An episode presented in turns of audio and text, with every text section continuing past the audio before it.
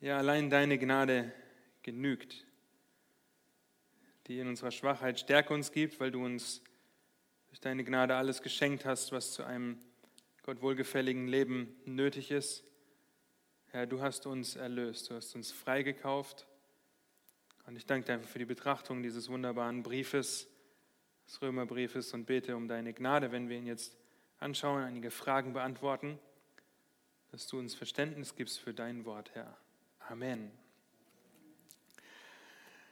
Vor sieben Wochen haben wir angefangen, beziehungsweise eigentlich vor acht Wochen, die letzten sieben Wochen haben wir uns mit den ersten vier Kapiteln beschäftigt. Und zunächst lesen wir in Kapitel 1, Vers 1 den Autoren und das Hauptthema des Buches. Und da es gleich wieder ein Quiz geben wird, passt gut auf, was das Hauptthema des Buches ist, beziehungsweise der ersten 17 Verse. Kapitel 1, Vers 1, dann heißt es, Paulus, Sklave Jesu Christi, berufener Apostel, abgesondert für das Evangelium Gottes, das, zuvor, das er zuvor verheißen hat in den Heiligen Schriften durch seine Propheten. Und dann kommt Paulus ziemlich schnell auf den Punkt. Und wenn ihr euch erinnert, dann sind die Schlüsselverse eigentlich für den ganzen Römerbrief die Verse 16 und 17, wo Paulus schreibt, denn ich schäme mich des Evangeliums von Christus nicht denn es ist Gottes Kraft zur Errettung für jeden, der glaubt, zuerst für den Juden, dann auch für den Griechen. Denn es wird darin geoffenbart, die Gerechtigkeit Gottes aus Glauben zum Glauben, wie geschrieben steht, der Gerechte wird aus Glauben leben. Der Schlüsselvers oder die zwei Schlüsselverse in diesem Kapitel, beziehungsweise in dem Brief, im Römerbrief. Das heißt, wenn ihr heute Nacht um zwei geweckt werdet und gefragt werdet, Schlüsselverse vom Römerbrief, Römer Kapitel 1, Vers 16 und 17. Und wir haben letzte Woche schon ein Quiz gemacht, gehabt, um über die ersten vier Kapitel des Römerbriefs nachzudenken. Und wie wir immer wieder gehört haben und auch hören, ist der Schlüssel zum Lernen die Wiederholung. Wiederholung ist der Schlüssel zum Lernen. Und so wollen wir auch heute dieses Quiz wiederholen, indem wir diese Zuordnung vornehmen, die wir schon letzte Woche gemacht haben, nur dass die Begriffe heute in einer anderen Reihenfolge dastehen. Ihr dürft die Präsentation bedienen. Ähm, Kapitel 1, oh, Vers 1 bis 17, nicht 1 bis 7, 1 bis 17 ist was? Wir haben es gerade gelesen.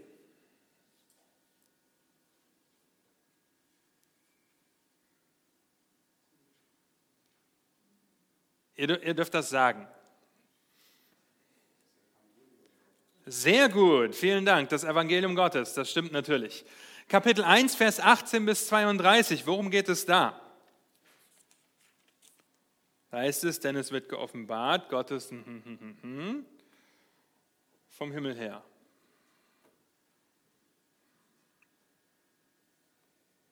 Ihr könnt auch in den Text gucken.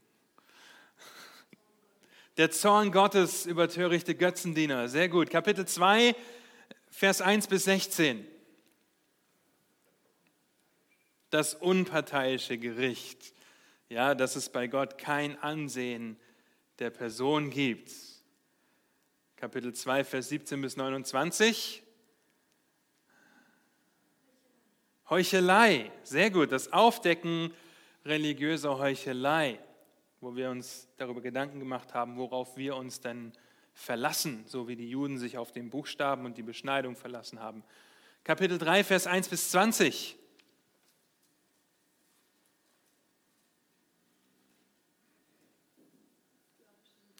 Die absolute Schuldigkeit vor dem Gesetz. Jawohl, und jetzt wird es langsam einfacher. Kapitel 3, Vers 21 bis 31.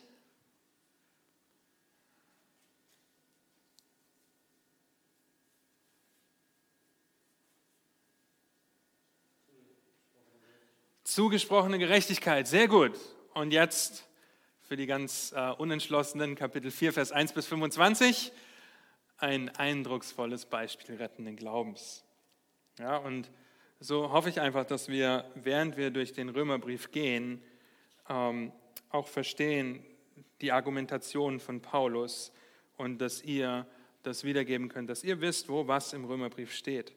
Und wir sehen, wie, wie Paulus aufzeigt in Kapitel 1 ab Vers 18 bis 3 Vers 20, dass unmoralische, moralische, religiöse Menschen das Evangelium brauchen, letztendlich, dass jeder das Evangelium braucht, weil der Mensch absolut unfähig ist, vor dem Gesetz, das Gottes Zorn mit sich bringt, zu bestehen.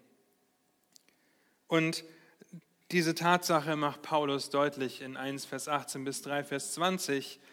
Und da es nicht ganz so viele Fragen gibt, möchte ich tatsächlich euch bitten, Römer Kapitel 1 aufzuschlagen in euren Bibeln, denn wir werden diese Verse vorlesen bis Kapitel 3, Vers 20, da es uns die, die dunkle Realität des Lebens aufzeigt, dass Gott nicht ehrt, ja, dass Gott nicht kennt. Und es ist immer hilfreich, das mal am Stück zu lesen. Wir haben uns viel Zeit dafür genommen. Aber Römer Kapitel 1, ab Vers 18. Gottes Wort sagt, denn es wird geoffenbart, Gottes Zorn vom Himmel her über alle Gottlosigkeit und Ungerechtigkeit der Menschen, welche die Wahrheit durch Ungerechtigkeit unterdrücken. Weil das von Gott Erkennbare unter ihnen offenbar ist, da Gott es ihnen offenbar gemacht hat. Denn sein unsichtbares Wesen, nämlich seine ewige, ewige Kraft und Gottheit, wird seit Erschaffung der Welt an den Werken durch Nachdenken wahrgenommen, sodass sie keine Entschuldigung haben. Denn obgleich sie Gott erkannten, haben sie ihn doch nicht als Gott geehrt und ihm nicht gedankt, sondern sind in ihren Gedanken in nichtigen Wahn verfallen und ihr unverständiges Herz wurde verfinstert. Da sie sich für weise hielten, sind sie zu Narren geworden und haben die Herrlichkeit des unvergänglichen Gottes vertauscht mit einem Bild, das dem vergänglichen Menschen, den Vögeln und vierfüßigen und kriechenden Tieren gleicht. Darum hat Gott sie auch dahingegeben in die Begierden ihrer Herzen zur Unreinheit, sodass sie ihre eigenen Leiber untereinander entehrten. Sie, welche die Wahrheit Gottes mit der Lüge vertauschen, vertauschten und dem Geschöpf Ehre und Gottesdienst erwiesen, anstatt dem Schöpfer, der gelobt sei in Ewigkeit. Amen. Darum hat sie Gott auch dahingegeben in entehrende Leidenschaften. Denn ihre Frauen haben den natürlichen Verkehr vertauscht mit dem widernatürlichen. Gleicherweise haben auch die Männer den natürlichen Verkehr mit der Frau verlassen und sind gegeneinander entbrannt in ihrer Begierde und haben Mann mit Mann Schande getrieben und den verdienten Lohn ihrer Verirrung an sich selbst empfangen. Und gleich wie sie Gott nicht der Anerkennung würdigten, hat Gott auch sie dahin gegeben, in unwürdige Gesinnung zu verüben, was sich nicht geziemt, als solche, die voll sind von aller Ungerechtigkeit, Unzucht, Schlechtigkeit, Habsucht, Bosheit, voll Neid, Mordlust, Streit, Betrug und Tücke, solche, die Gerüchte verbreiten, Verleumder, Gottesverächter, freche, übermütige, Prahler, erfinderisch im Bösen, den Eltern ungehorsam, unverständig, treulos, lieblos, unversöhnlich, unbarmherzig. Obwohl sie das gerechte Urteil Gottes erkennen, dass sie des Todes, dass sie des Todes würdig sind, welche so etwas verüben, tun sie diese nicht nur selbst, sondern haben auch Gefallen an denen, die sie verüben. Kapitel 2 der moralische Mensch. Darum bist du nicht zu entschuldigen, o oh Mensch, wer du auch seist, der du richtest. Denn worin du den anderen richtest, verurteilst du dich selbst. Denn du, der du richtest, verübst ja dasselbe. Wir wissen aber, dass das Gericht Gottes der Wahrheit entsprechend über die ergeht, welche so etwas verüben. Rechnest du etwa damit, o oh Mensch, der du die richtest, welche so etwas verüben und doch das Gleiche tust, dass du dem Gericht Gottes entfliehen wirst? Oder verachtest du den Reichtum seiner Güte, Geduld und Langmut und erkennst nicht, dass dich Gottes Güte zur Buße leitet? Aber aufgrund deiner Verstocktheit und deines unbußfertigen Herzens häufst du dir selbst Zorn auf für den Tag des Zorns und der Offenbarung des gerechten Gerichtes Gottes, der jedem vergelten wird nach seinen Werken. Denen nämlich, die mit Ausdauer im Wirken das Gute des Guten Herrlichkeit, Ehre und Unvergänglichkeit erstreben, ewiges Leben.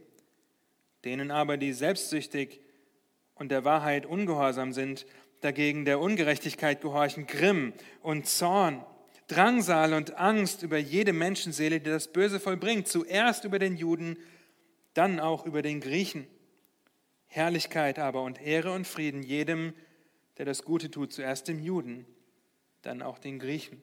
Denn bei Gott gibt es kein Ansehen der Person. Alle nämlich, die ohne Gesetz gesündigt haben, werden auch ohne Gesetz verloren gehen. Und alle, die unter dem Gesetz gesündigt haben, werden durch das Gesetz verurteilt werden.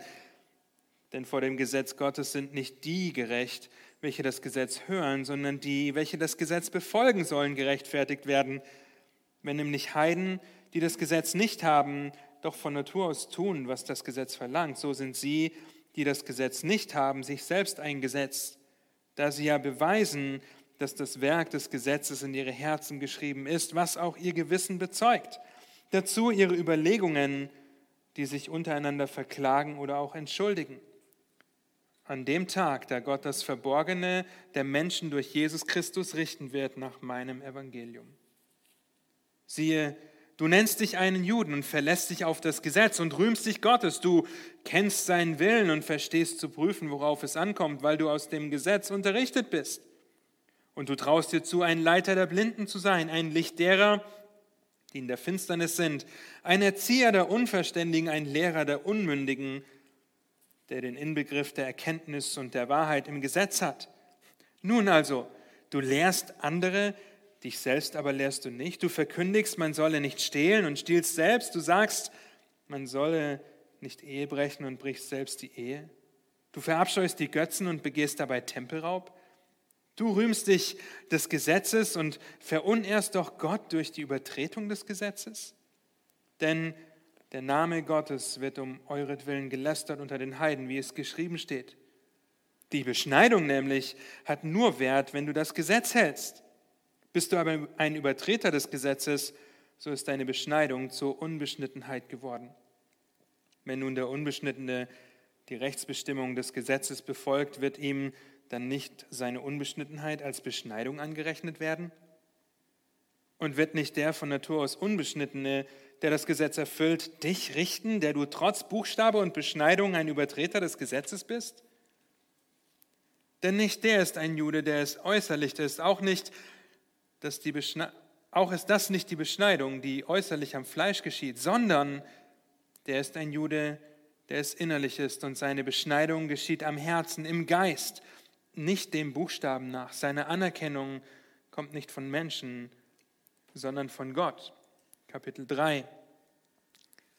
Was hat nun der Jude für einen Vorzug oder was nützt die Beschneidung? Viel in jeder Hinsicht, denn vor allem sind ihnen die Aussprüche Gottes anvertraut worden. Wie denn?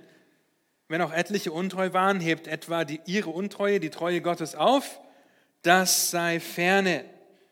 Vielmehr erweist sich Gott als wahrhaftig, jeder Mensch aber als Lügner, wie geschrieben steht, damit du Recht behältst in deinen Worten und siegreich hervorgehst, wenn man mit dir rechtet.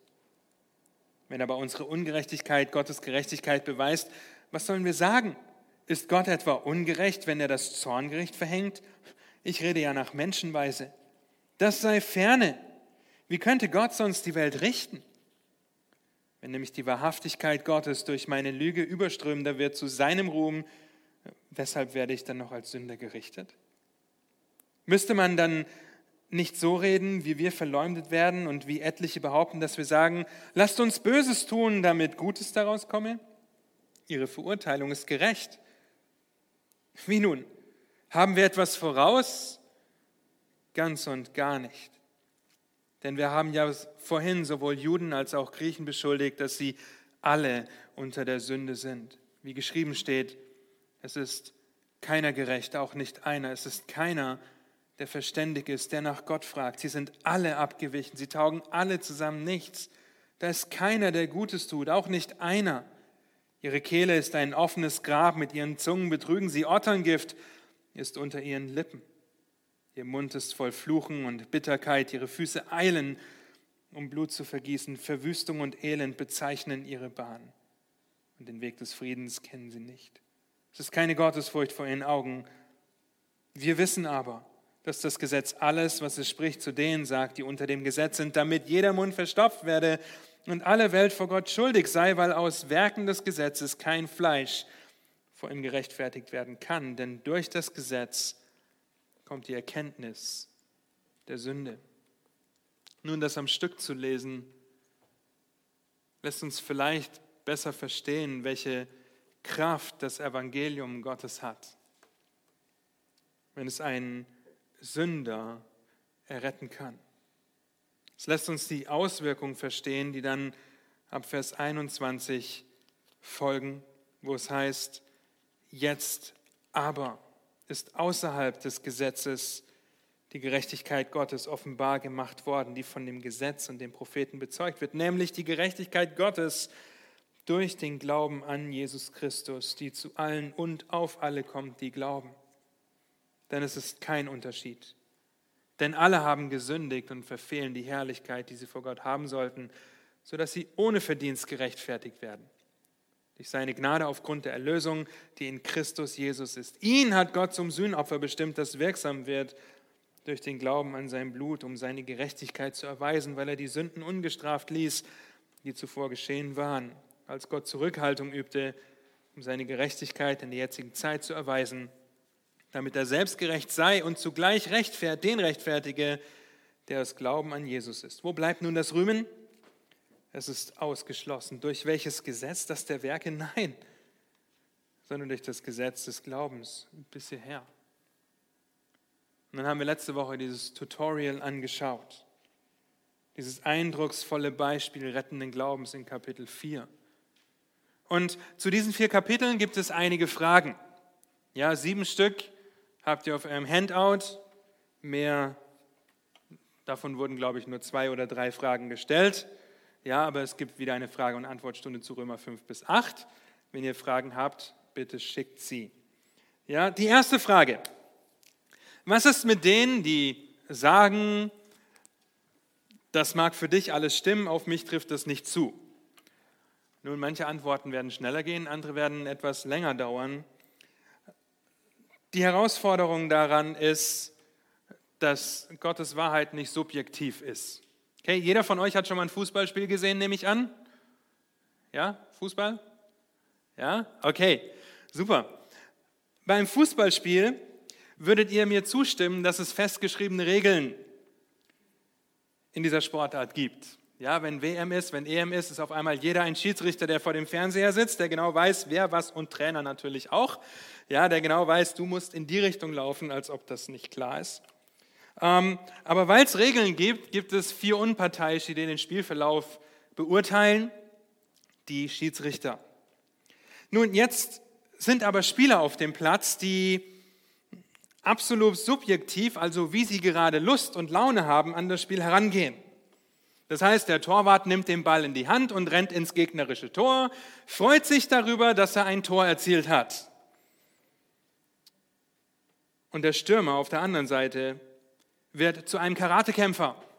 Ja, und knockt die einen Abwehrspieler nach dem anderen mit einem gezielten Tritt ins Gesicht aus, wobei er seine Fußballschuhe durch Arbeitssicherheitsschuhe mit Stahlkappe ersetzt hat. Nun, der Schiedsrichter ist da und würde niemals sagen, ah ja, wenn du dich heute so fühlst, dass das so okay ist für dich, dann ist das kein Problem. Krankenwagen haben wir genug hier und ich zähle jedes Tor, dass du, wenn du den Ball einfach ins Tor bringst. Nein, die Regeln eines Fußballspiels sind festgeschrieben. Okay? und anhand der Regeln wird das Fußballspiel ausgeführt. Wenn die Regeln gebrochen werden, dann hat das Konsequenzen. Okay? Das Spiel, das Fußballspiel, wird aufgrund eines objektiven Regelsatzes ausgeführt. Und ein Schiedsrichter muss diese Regeln kennen. Nun, im geistlichen Leben ist das ganz genauso. Ja, nicht, dass wir jetzt mit Stahlkappenschuhen rumlaufen, ja, oder ähm, irgendwie anders Dinge erzielen. Nein, wir haben gesehen, dass der Ungläubige die Wahrheit mit aller Kraft unterdrückt, wie einen offenen Hydranten versucht zuzuhalten. Ja, und Gott ist in seiner Schöpfung zu erkennen. Das haben wir gerade gelesen. Gott hat das Werk des Gesetzes in unsere Herzen geschrieben, dass das Gewissen bezeugt, was richtig und falsch ist, aber es wird alles unterdrückt. Es wird unterdrückt und weil er unterdrückt, vertauscht er diese Wahrheit und deshalb wird er auch dahingegeben. Ja, aber das hebt die Wahrheit des Wortes Gottes logischerweise nicht auf, weil du kannst einen objektiven Standard zwar subjektiv betrachten, ja, aber das macht den Standard dann nicht subjektiv. Der Maßstab ist Gottes Wort, nicht das, was wir daraus machen. Die Wahrheit wird nicht weniger zur Wahrheit, wenn die Menschen sie ablehnen. Aber auf der anderen Seite haben wir gesehen in Kapitel 3, Vers 10 bis 18, dass der Mensch ohne Gottes Gnade das nicht erkennen kann. Er ist gefallen in seinem Verstand, wir erinnern uns, in seinem Willen, in seinen Absichten, in seiner Nachfolge, er geht in die Irre. Das heißt, er hat das objektive Gesetz zwar vor Augen, kann es ohne Gottes Wirken aber nicht erkennen. Wir erinnern uns vielleicht an Titus 3, Vers 3, wo es über uns heißt, die wir jetzt gläubig sind, denn auch wir waren einst unverständlich, ungehorsam, gingen in die Irre, dienten mannigfachen Lüsten und Vergnügen, lebten in Bosheit und Neid, verhasst und einander hassend. Das heißt, der Mensch unterdrückt den Standard Gottes aktiv. Ja, das macht die Wahrheit nicht zu einem persönlich anpassbaren Standard, was dir passt und was mir passt. Ja, aber wenn die Menschen so rangehen, dann sind die Auswirkungen letztendlich für sie dieselben wie für jeden anderen Menschen auch. Ja, weil das der objektive Standard ist, an dem wir uns ausrichten sollen und jeder Mensch wird darin versagen.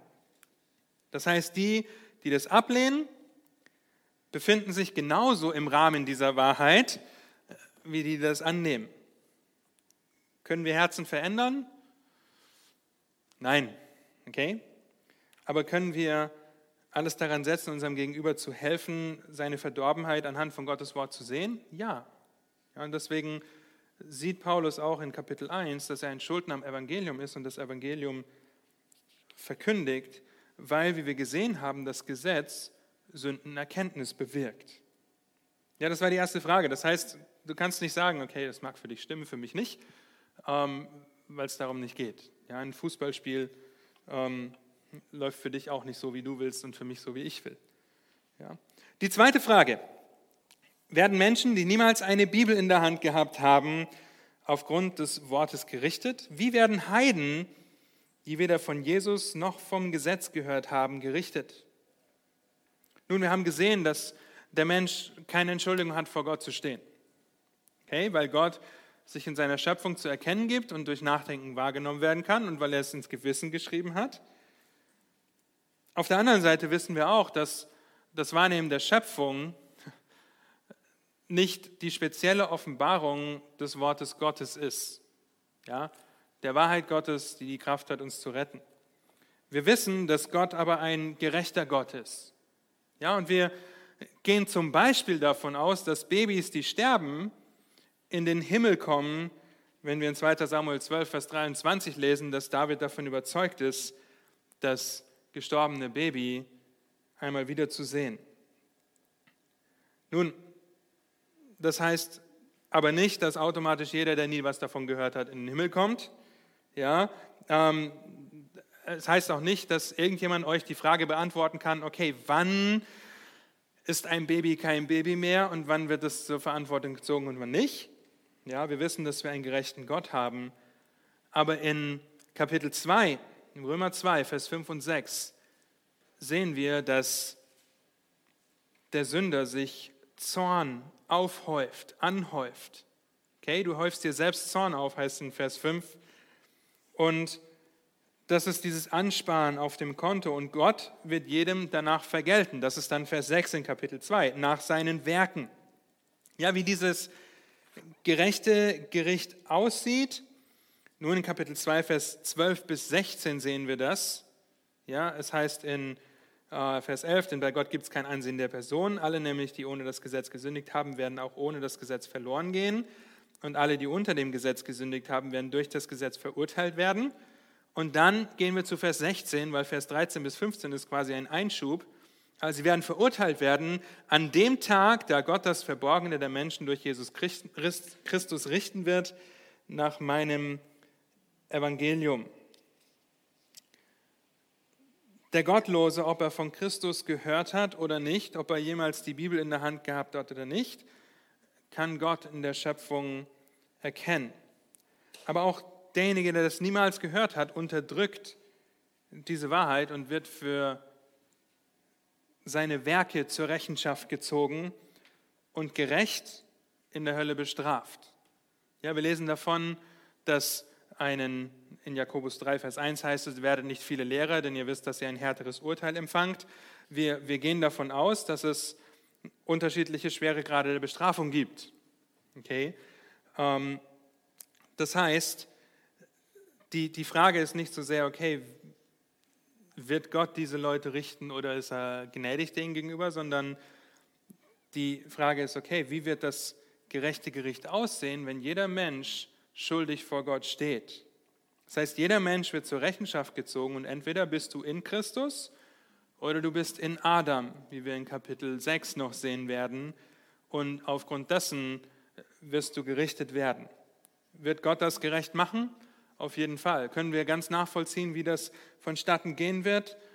Das können wir nicht, weil wir nicht Gott sind. Aber lasst uns dafür beten, dass sich Männer und Frauen finden, die das Evangelium freimütig auch an solche verkündigen, ja, die das noch nie gehört haben. Und ich möchte mich nicht zu weit aus dem Fenster lehnen, aber ich glaube, wir wohnen in einem Stadtteil in Berlin, wo viele hiervon keine Ahnung haben, geschweige denn was davon gehört haben. Ja, ich erinnere mich an eine Arbeitskollegin, die konnte nichts mit Noah anfangen, die konnte nichts mit Maria und Josef anfangen, ähm, was mir einfach so bewusst gemacht hat, wir müssen gar nicht so weit schauen, um das Evangelium zu verkündigen. Ja, also wir können davon ausgehen, dass Gott gerecht richtet, dass er das tun wird und dass jeder Mensch zur Verantwortung gezogen wird. Die dritte Frage. Ich weiß, dass die Werke eines Christen beurteilt werden. Aber werden Christen auf irgendeine Weise für ihre Sünde gerichtet? Nun, diese Antwort, die können wir eigentlich ganz kurz machen. Ja, der Christ wird für seine Sünde gerichtet. Er muss für seine Sünde gerichtet werden. Jetzt denkt ihr vielleicht, oh, aber was haben wir denn in den letzten zwei Wochen angeschaut in Römer 3, Vers 3 und Kapitel 4? Wir haben gesehen, dass die Sünde des Gläubigen Christus angerechnet wurde. Okay? Das heißt, Christus wurde für deine Sünden gerichtet. Wenn du mit Christus gestorben und auferstanden bist, Kapitel 6, dann bist du der Sünde gestorben. Und hier kommt ein Bild. Jawohl, wir haben das vor zwei Wochen angeschaut.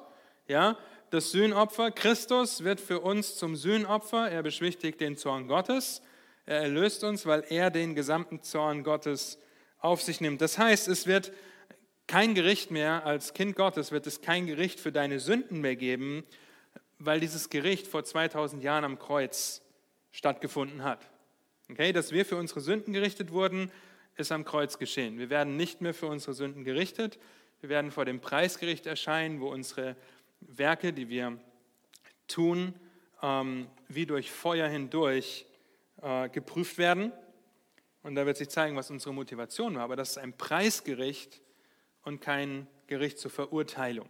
Okay, das dürfen wir nicht verwechseln. Das heißt, für deine Sünde wurdest du gerichtet vor 2000 Jahren am Kreuz in Christus. Das heißt es, mit Christus gestorben zu sein und mit ihm auferstanden zu sein. Ja, mit Christus in den Tod getauft zu sein, wie wir in Kapitel 6 dann noch sehen werden. Vierte Frage. Das geht schnell, gell? Äh, was ist mit einer Person, die Jesus glaubt, aber keine Buße tut und nie von Sünden umkehrt? Was denkt ihr, was mit so einer Person?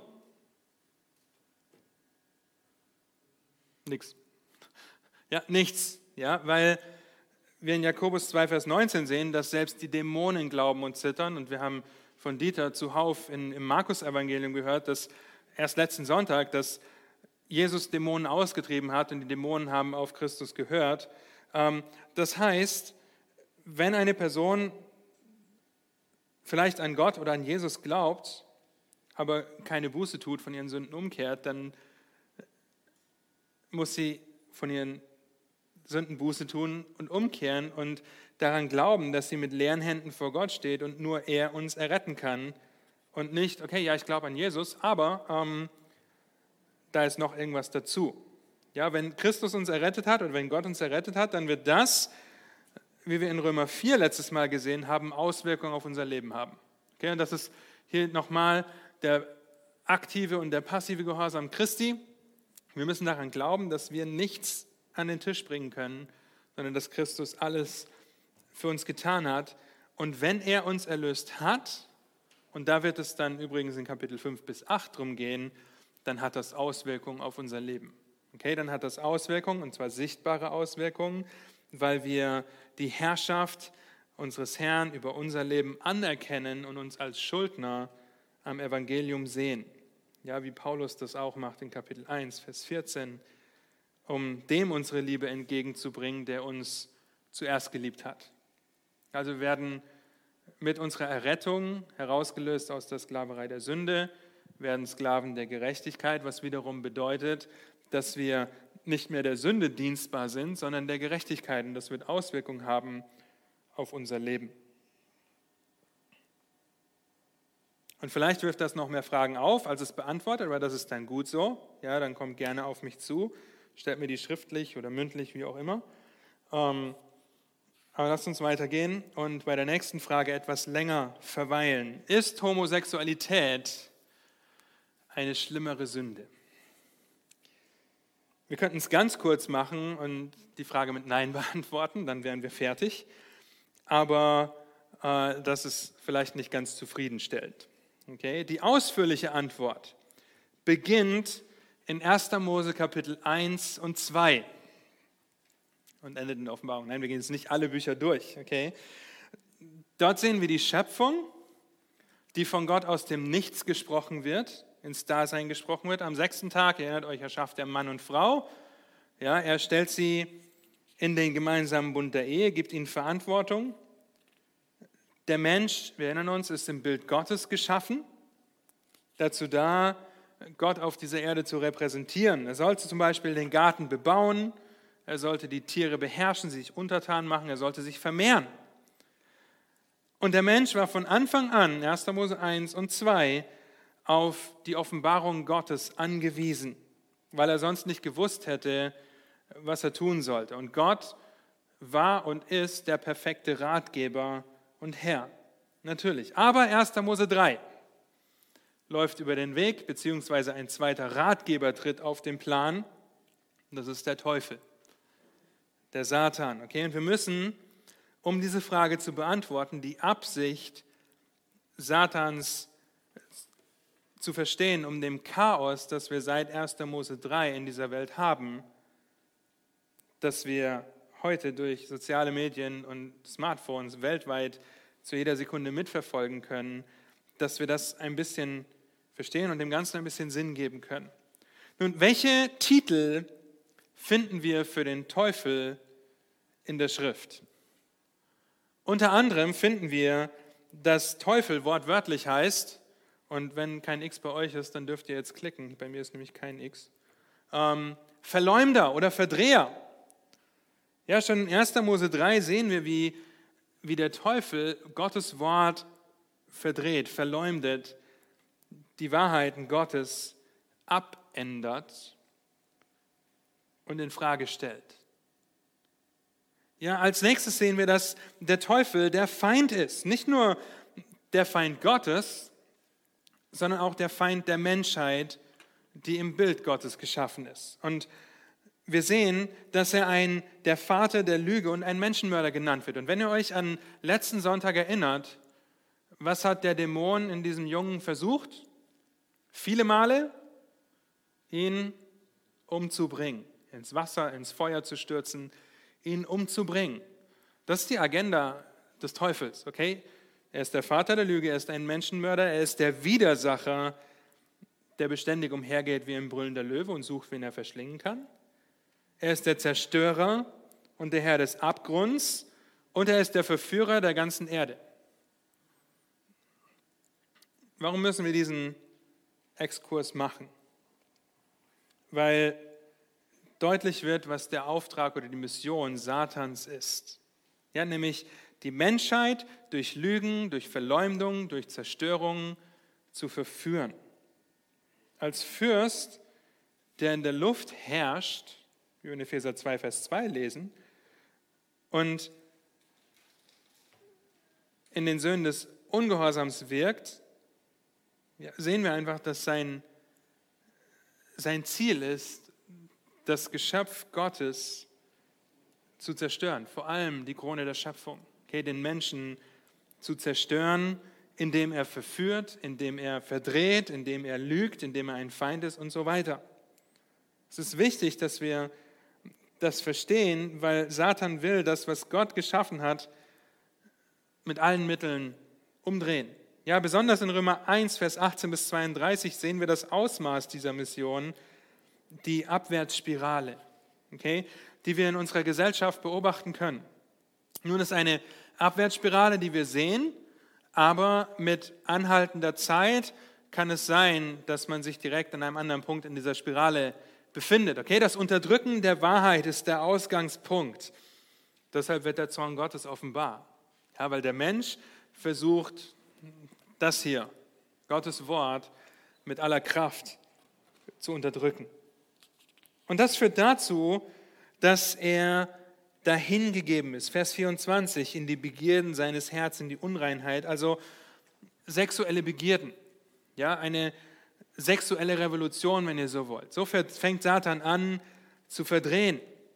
Und wir leben in einer Gesellschaft, wo das möglich ist. Ich habe erst heute ein Interview geschaut, wo die Person, die interviewt wurde, einfach gesagt hat, wir sehen so sehr, wie wir in Römer 1, Vers 18 bis 32 leben, wenn Verhütungsmittel verteilt werden, damit man einfach so zusammenkommen kann, Geschlechtsverkehr haben kann und dass wenn du das unverhütet tust und schwanger wirst, du einfach in eine Klinik gehen kannst und das Baby töten kannst. Das ist die Begierde des Herzens, diese sexuelle, diese sexuelle Perversion, das Verdrehen. Und das führt zu noch mehr Perversion, okay, zu noch mehr Verdrehen der Wahrheit, indem sie in entehrende Leidenschaften der Homosexualität fallen. Vers 26 bis Vers 27. Es handelt sich dabei nicht um eine schlimmere Sünde, denn jede Sünde verdient den Tod. Ja, aber die Homosexualität, und das müssen wir verstehen, ist der Gipfel der Verdrehung von Gottes Schöpfungsabsicht. Versteht ihr das? Man kann Gottes Schöpfungsabsicht für den Menschen nicht viel weiter verdrehen als durch die Homosexualität. Ja, denn wie macht sie das? Nur zum einen ist sie das absolute Gegenteil der Heterosexualität, also der Sexualität zwischen einem Mann und einer Frau, die den Bund der Ehe geschlossen haben. Ja, es ist im völligen Widerspruch dazu, zu dem, wie Gott sich Ehe und Familie vorstellt. Zum anderen verstößt sie gegen das biblische Prinzip der Ergänzung. Erinnert euch, der Mann ist als Haupt geschaffen, die Frau als Haupt. Richtig? Nicht richtig, als Hilfe. Okay? Es gibt nicht Haupt und Haupt oder Hilfe und Hilfe, die zusammenwohnen laut Gottes Wort, sondern Haupt und Hilfe. Das Prinzip der Ergänzung wird völlig verdreht. Es ist nicht möglich, die biblische Rollenverteilung auf eine gleichgeschlechtliche Beziehung anzuwenden. Ja, der Mann ist das Haupt, die Frau ist die Hilfe. Und drittens macht es Gottes Auftrag, sich zu vermehren, unmöglich. Okay, es ist einfach unmöglich, sich zu reproduzieren, wenn man gleichgeschlechtlich zusammen ist. Das geht nicht. Das heißt, die Homosexualität ist die absolute Verdrehung der Absicht, die Gott für die Krone seiner Schöpfung hatte, für seine Botschafter und Repräsentanten, die in seinem Bild geschaffen sind. Ja, und jo, es stürmt. Ja, und wenn, wenn es das Ziel Satans ist, alles zu verdrehen, ja, dass alles, was Gott als Wahrheit offenbart, umzudrehen, zu verleugnen, zu verleumden, zu zerstören, inklusive der Schöpfung, dann ist das die Konsequenz davon, dass die Homosexualität quasi der Gipfel dieses Verdrehens von Gottes Schöpfungsabsicht ist. Ein Autor schreibt dazu, Homosexualität verfälscht oder verkennt Gottes Absicht für Ehe und Familie nicht nur in einem einzelnen Bereich, sondern verzerrt die ursprüngliche Absicht des Schöpfers in fast jedem Bereich. Ihre Beteiligten können nicht anders, als sich der Tatsache bewusst zu sein, dass ihre Handlungen mit dem Plan des Schöpfers für die Ehe und Familie unvereinbar sind und dass diese vorsätzliche Rebellion gegen Gott letztendlich den Tod verdient. Und so geht diese Abwärtsspirale weiter. In Versen 28 bis 32 sehen wir, wie sie unwürdig, in unwürdige Gesinnung, Gesinnungen hingegeben werden. Und wir müssen nicht weit gucken, um das festzustellen. Ja, nicht weit schauen in der Gesellschaft, ob in Amerika oder auch in Deutschland, dass wir sehen, was hier vor sich geht und wie wir uns in dieser Spirale befinden. Wobei diese letzten Verse auf alles angewendet werden können. Okay? Die Homosexualität ist keine schlimmere Sünde. Allerdings ist sie der Gipfel sexueller Sünde, weil sie Gottes Schöpfungsabsicht untergräbt, verdreht und ablehnt. Aber das bedeutet nicht, ja, funktioniert der Klicker nicht oder? Okay, ja, wir sind zwei weiter, glaube ich. Genau. Ähm, noch eins, genau. Das bedeutet nicht, dass wir homosexuelle Menschen verachten, verurteilen oder verwerfen. Ja, im Gegenteil. Sie brauchen das Evangelium. Okay, sie brauchen das Evangelium, sie brauchen die Kraft Gottes zur Errettung von den Übertretungen und Sünden, genauso wie du und wie ich. Ja, es gibt Geschwister, die damit kämpfen, sich zum selben Geschlecht hingezogen fühlen, aber sie wissen, dass es Sünde ist, genauso wie jemand weiß, dass es Sünde ist, der mit Pornografie oder Selbstbefriedigung zu kämpfen hat. Es kann nicht Gottes Absicht sein. Das heißt, wir wollen allen Menschen das Evangelium verkündigen, weil wir wissen, welche Macht das Evangelium hat. Und auf der anderen Seite wollen wir einander helfen. Ich hoffe, es ist eure Absicht, dass wir einander dienen, dass wir aufeinander Acht geben und nicht etwa einen Anstoß zur Unreinheit geben. Ja, sei es unsere Kleidung, unsere Worte, unsere Taten. Lasst uns aufeinander achten, weil wir nicht wissen, wo der andere kämpft. Okay? Sechste Frage. Produziert eine biblische Kindererziehung nicht religiöse Heuchler? Das ist eine gute Frage, weil sie mich aufgefordert hat, darüber nachzudenken. Ich habe zwei kleine Kinder. Ja, es geht immer um die Absicht, die wir als Eltern verfolgen. Ja, können wir unsere Kinder retten? Das sei ferne. Nur Gottes Gnade kann das. Aber in Römer 10, Vers 14 heißt es, wie sollen sie aber den anrufen, an den sie nicht geglaubt haben? Wie sollen sie aber an den glauben, von dem sie nichts gehört haben? Wie sollen sie aber an den hören, aber hören ohne einen Verkündiger? Ja, das heißt, Gottes Absicht für Väter, Männer, hört zu, ja, ist, dass wir, dass ihr als Hirten eurer Familien fungiert und Gottes Wahrheiten, die wie wir gesehen haben, absolut objektiv sind, ob dein Kind glaubt oder nicht, die Gottes Wahrheiten erklären. Dass die Mütter dabei eine Rolle spielen, ist klar und wird sehr deutlich, wenn wir zum Beispiel Lois und Eunike sehen, wie sie Timotheus belehrt haben.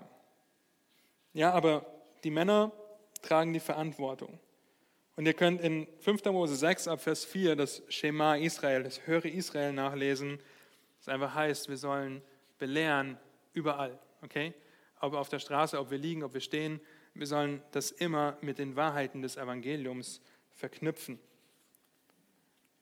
Die Unterweisung unserer Kinder ist erstens zur Erinnerung an das da, wer Gott ist, was er getan hat und was er tut. Okay, wir unterweisen unsere Kinder. Zweitens sind die Maßstäbe Gottes für das Leben, wie er es sich ausgedacht hat und uns in seinem Wort gibt, das Beste, was man lernen kann. Sprüche 22, Vers 6 macht diese Absicht zum Beispiel deutlich. Gewöhne den Knaben an den Weg, den er gehen soll, so wird er nicht davon weichen, wenn er alt wird. Das heißt, wir können unseren Kindern Denkmustern eines christlichen Lebens weitergeben, ja, indem wir ihnen eine Struktur geben, wie es dann durchs Leben gehen wird. Das heißt nicht, dass wir unser Kind retten, ja, aber zum Beispiel fordert die Schrift, dass die Kinder ihren Eltern gehorsam sein sollen. Nun, sie werden später einmal ausziehen, so Gott will, ja, werden eine Arbeitsstelle haben, wo sie sich einem Vorgesetzten unterordnen müssen. Es gibt Möglichkeiten, Gottes Prinzip in der Schrift anzuwenden und unsere Kinder zum Gehorsam anzuhalten, ihnen zu zeigen. Ja, aber das Ding ist, was wir vorleben als Eltern, das wird nachgeahmt. Okay, könnt ihr machen, was ihr wollt, das wird nachgeahmt. Und selbst wenn dein Kind nicht gläubig wird, ist, wenn wir sie unterweisen in den Wahrheiten der Schrift wird das ein guter Grundstock sein für das Leben unter der allgemeinen Gnade.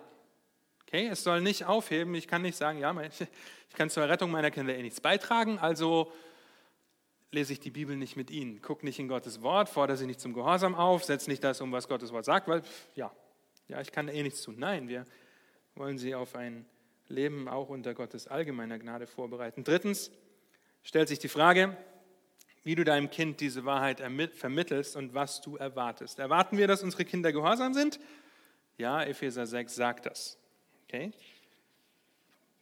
Epheser 6, 1 bis 3 stellt diesen Anspruch an die Kinder. Aber die Frage ist, wie wir das unseren Kindern vermitteln. Ja, wir sollten unsere Kinder natürlich für Errungenschaften loben, uns darüber freuen, ja, uns darüber freuen, wenn wir einen Zahn ziehen. Grinst meine Tochter. Das ist gut. Wir haben gestern einen, nee, heute Freude einen Zahn gezogen. Ähm, aber wenn wir ihnen immer wieder das Gefühl vermitteln, dass sie es grundsätzlich schaffen, aus eigener Kraft gehorsam zu sein und lieb zu sein, dann wird das dazu führen, dass wir religiöse Heuchler erziehen. Okay? Und das beste Vorbild dafür sind wir als Eltern. Und ich weiß nicht, welche Kamera gerade aktiv ist, aber Eltern von kleinen Kindern, ihr seid heute nicht hier, ihr schaut vielleicht den Livestream. Ihr Lieben, zeigst du deinen Kindern aktiv die Vergebung Christi in deinem Leben? Ja, oder ähm, weil du die Vergebung Christi täglich brauchst und es auch nicht schaffst, aus eigener Kraft gehorsam zu sein. Oder schreist du dein Kind an, dass es gefälligst seine Schuhe anziehen sollen und wirst dann wütend darüber, wenn es zurückschreit. Ja?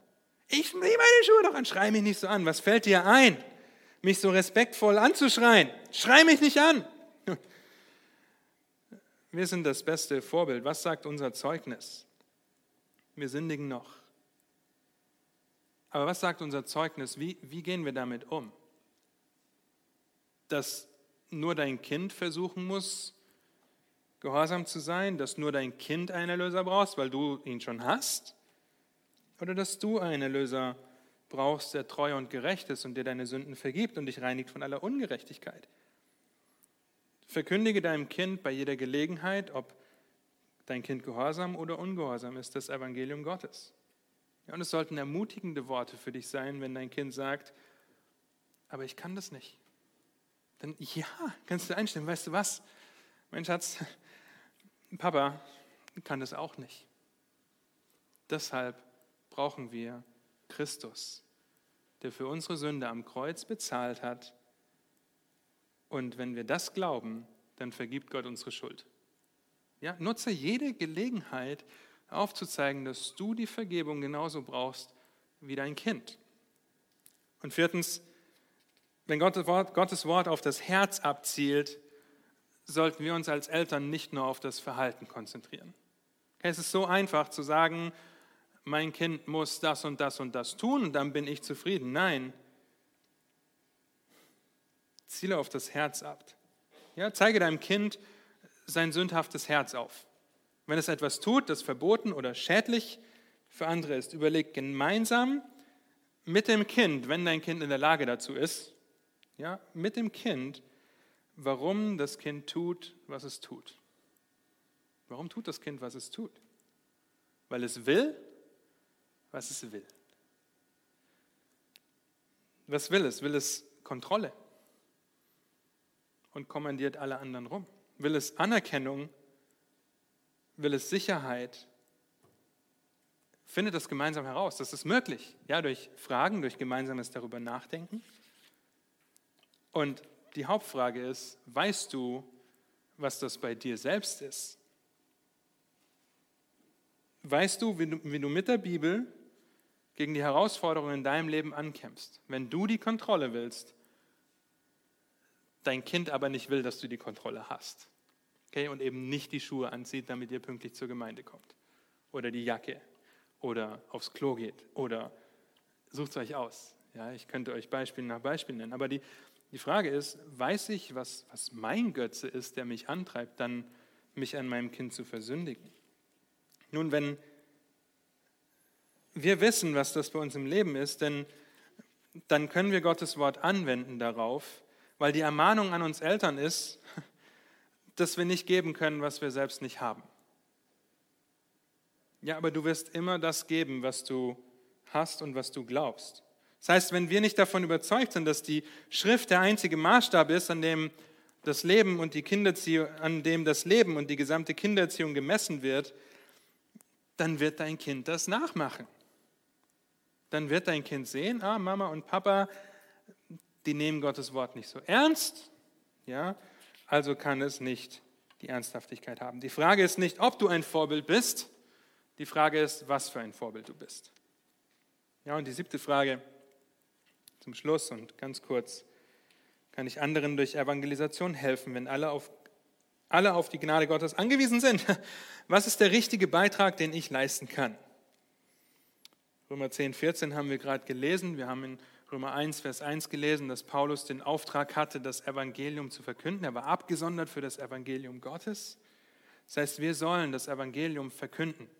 Ja, wir sollen uns als Werkzeug in Gottes Hand gebrauchen lassen, Gottes Wahrheit zu verkündigen. Wenn ihr so wollt, können wir ein Glied in der Kette sein, mit der Gott einen Ungläubigen zieht. Wir wissen, dass Gott zieht, er rettet. Ja, wir denken vielleicht an Apollos und Paulus. Der eine hat gegossen, der andere hat gepflanzt, aber Gott hat das Wachstum geschenkt. Es kann sein, dass du das Evangelium verkündigst, in dieser Kette bist und ganz am Anfang bist. Das erste Glied in der Kette, wo noch absolute Verhärtung ist, wo noch kein Verständnis da ist, wo keine Buße da ist, keine Rettung. Vielleicht bist du auch irgendwo in der Mitte und hast gute Gespräche, die Person kommt vielleicht ins Nachdenken, aber sie überwindet sich noch nicht. Ja, aber vielleicht benutzt dich Gott auch als das letzte Glied in der Kette und du hast das Privileg, die Person durch Gottes Gnade zum Kreuz zu führen und mitzuerleben, wie sie Buße tut und dem Evangelium aus Gnade glaubt. Das heißt, wir können uns vorbereiten, indem wir alle Zeit bereit sind, das Evangelium zu verkündigen, sei es gelegen oder ungelegen, und auch die Bereitschaft an den Tag legen, die Möglichkeiten, die Gott uns gibt, in der Nachbarschaft, in der Familie, im Supermarkt, auf der Autobahn, wenn ihr im Stau steht, keine Ahnung, ja, ähm, darauf zu reagieren, das Evangelium freimütig zu verkünden. Deshalb wir sollen es verkündigen. Unser Beitrag ist, dass wir Gottes Wahrheit verkündigen ja, aber Gott schenkt natürlich den Glauben. Das heißt, wir wollen nicht müde werden, das Evangelium zu verkündigen. Nächste Woche wollen wir uns in eine Vogelperspektive begeben und Römer 1 bis 8 anschauen. Ja, wir werden das nicht alles lesen, aber wir wollen uns einen Überblick verschaffen, bevor wir uns dann im nächsten Teil des Römerbriefs mit Kapitel 5 bis 8 mit der Freude an der Sicherheit des Evangeliums beschäftigen. Lasst mich kurz beten und dann sind wir fertig. Herr, habt ihr Dank für deine Gnade, habt ihr Dank für dein Wort, das uns aufzeigt, wer wir sind und vor allem, was du für uns getan hast und wer wir jetzt in dir sind. Ich danke dir dafür, dass dein Wort Antworten hat auf unsere Fragen. Ich danke dir dafür, dass du siehst, dass diese vielen Fragen lang nicht im Detail oder in aller Tiefe, in aller Breite beantwortet wurden, aber ich danke dir dafür, dass wir anfangen durften, darüber nachzudenken. Ich bete, dass du Gnade schenkst in unserem Leben, wenn wir darüber nachdenken, was das für Implikationen für uns hat. Und ich bete, dass du Gnade schenkst an diesem Abend, an dem Verlauf der letzten, dieser Woche, Herr. Amen.